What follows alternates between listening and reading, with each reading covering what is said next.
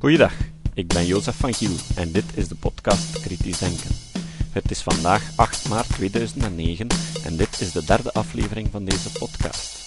Deze aflevering is ook het derde deel van een reeks die gaat over logische misvattingen. De tekst van deze reeks is gebaseerd op een vertaling van een tekst van Steven Novella van The Skeptic's Guide to the Universe.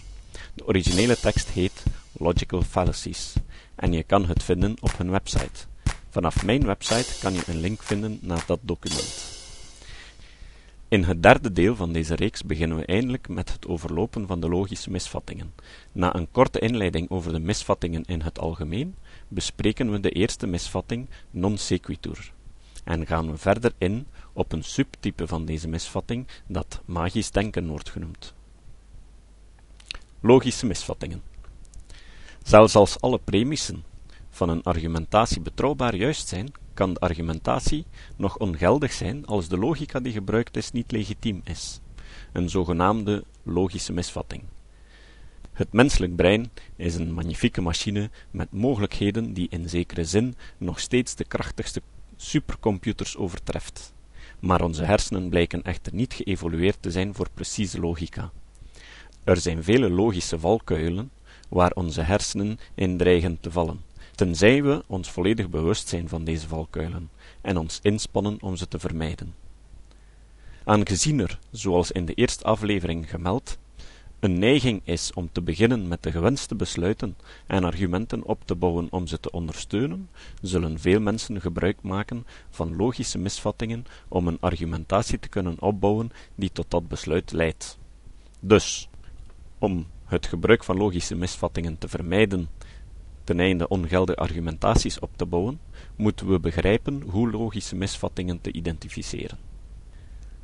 Hieronder en in de volgende afleveringen van deze podcast lijst ik de meest voorkomende logische misvattingen uit, met voorbeelden voor elk van hen.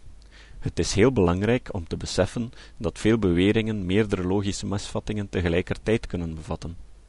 Daarenboven kunnen sommige soorten logica in verschillende misvattingen tegelijk passen. Nadat ik verschillende lijsten van logische misvattingen las, heb ik gemerkt dat er tussen hen een klontering tegenover splitsen verschil is. Met andere woorden, sommige lijsten kunnen logische misvattingen definiëren in brede deel verschillende, samenklonterende, specifieke subtypen bevatten. Andere lijsten splitsen de verschillende subtypes in hun eigen misvattingen, zelfs ondanks het feit dat de foutieve logica essentieel dezelfde is, of tenminste zeer gelijkaardig. Ik volg eerder een gecombineerde benadering. Ik hou vast aan hoofdtypes van logische misvattingen, om dan specifieke subtypes eronder te benoemen, die je in andere lijsten als aparte soorten kan tegenkomen.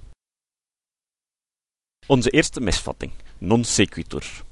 Dit is het Latijn voor volgt niet. Dit verwijst naar een argumentatie waarbij de conclusie niet noodzakelijk volgt uit premissen. Met andere woorden, er wordt een logische connectie verondersteld, terwijl er geen is. Dit is de meest voorkomende logische misvatting, en eigenlijk, veel van de misvattingen hierna volgend, zijn ook non sequiturs, maar kunnen geïdentificeerd worden als een ander gangbaar type. Een voorbeeld van non sequitur wordt dikwijls gebruikt door mensen die proberen te bewijzen dat hun heilige boeken wel van God moeten komen, door aan te geven dat bepaalde passages inzichten illustreren die nu door moderne wetenschappers wordt bevestigd, terwijl die mensen die toen leefden dat onmogelijk konden weten.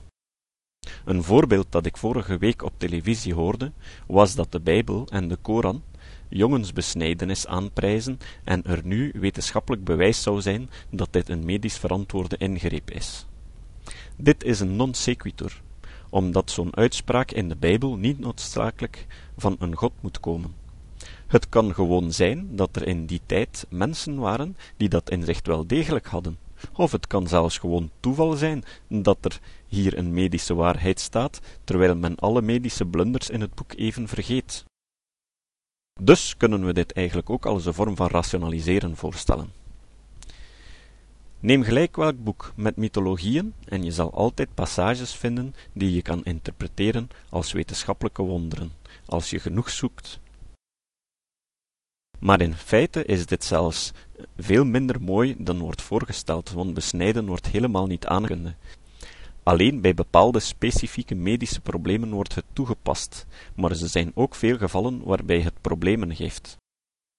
Bovendien heeft deze stelling voor de gelovigen nog een ander probleem.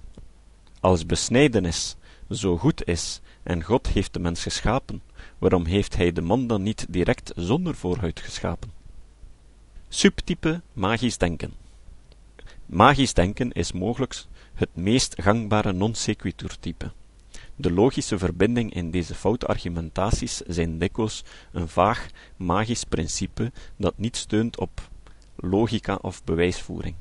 De logische verbindingen in deze foute argumentatie zijn dikwijls een vaag magisch principe dat niet steunt op logica of bewijsvoering. Bijvoorbeeld, voorstanders van feng shui beweren soms dat je beter je bed in een bepaalde positie binnen de slaapkamer kan zetten, zodat het geluk in je huis kan binnenstromen. Een ander voorbeeld. Jonge aardecreationisten beweren dat de wereld alleen zo oud lijkt, maar in feite heeft God de wereld 6000 jaar geleden geschapen alsof hij oud was. Bestaande bomen die tot 10.000 jaar oud gedateerd kunnen worden, zijn eigenlijk door God 6000 jaar geleden geschapen met 4000 jaar ringen. Bovendien heeft hij ervoor gezorgd dat de verhouding van koolstof 14 in de jaarringen perfect overeenkomt met wat je zou verwachten als die jaarringen echt jaar na jaar geproduceerd werden. Ook het licht dat van verre sterren komt, is door God 6000 jaar geleden geschapen, alsof dat licht al miljarden jaren onderweg was, met inbegrip van de roodverschuiving. Voetreflexologen veronderstellen een magische verbinding tussen bepaalde plekken op de voet met plekken in het lichaam. Het manipuleren van die plaatsen op de voet moet op een of andere manier de ziekte in het gerelateerde lichaamsdeel te lijf kunnen gaan.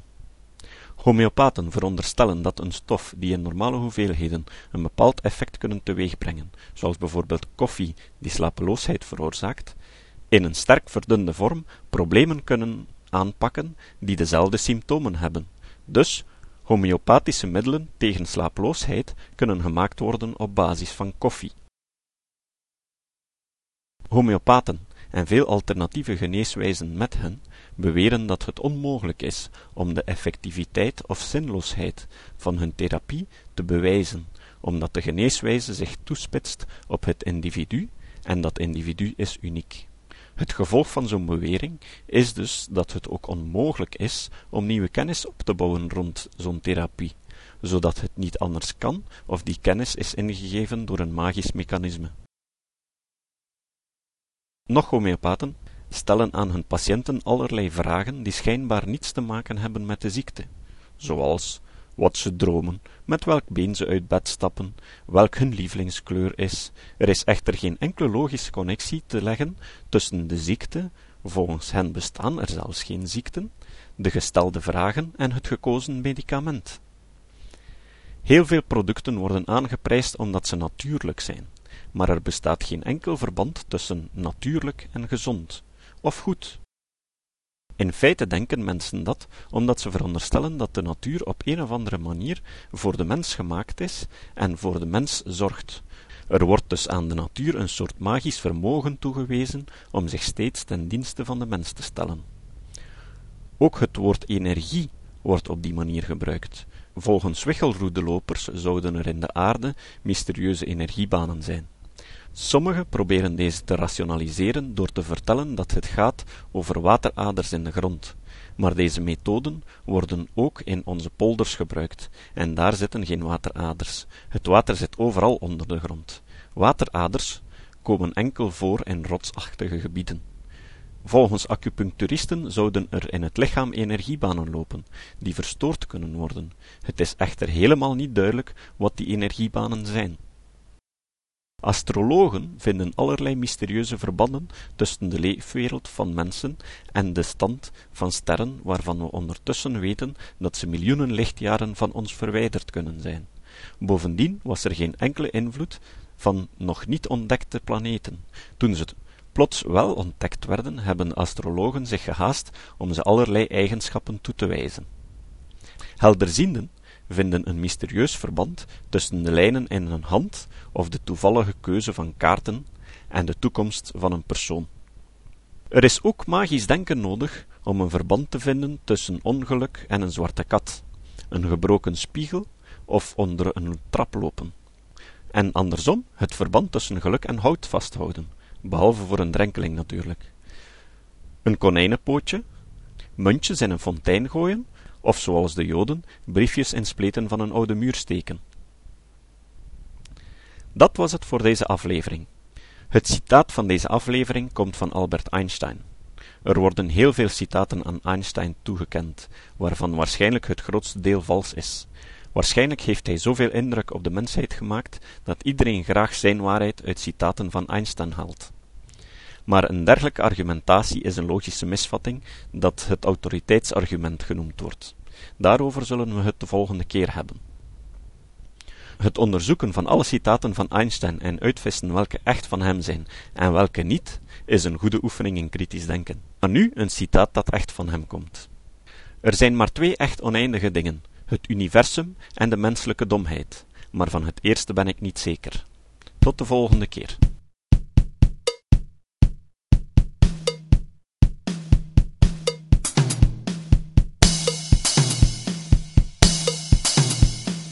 Dit was de podcast Kritisch Denken.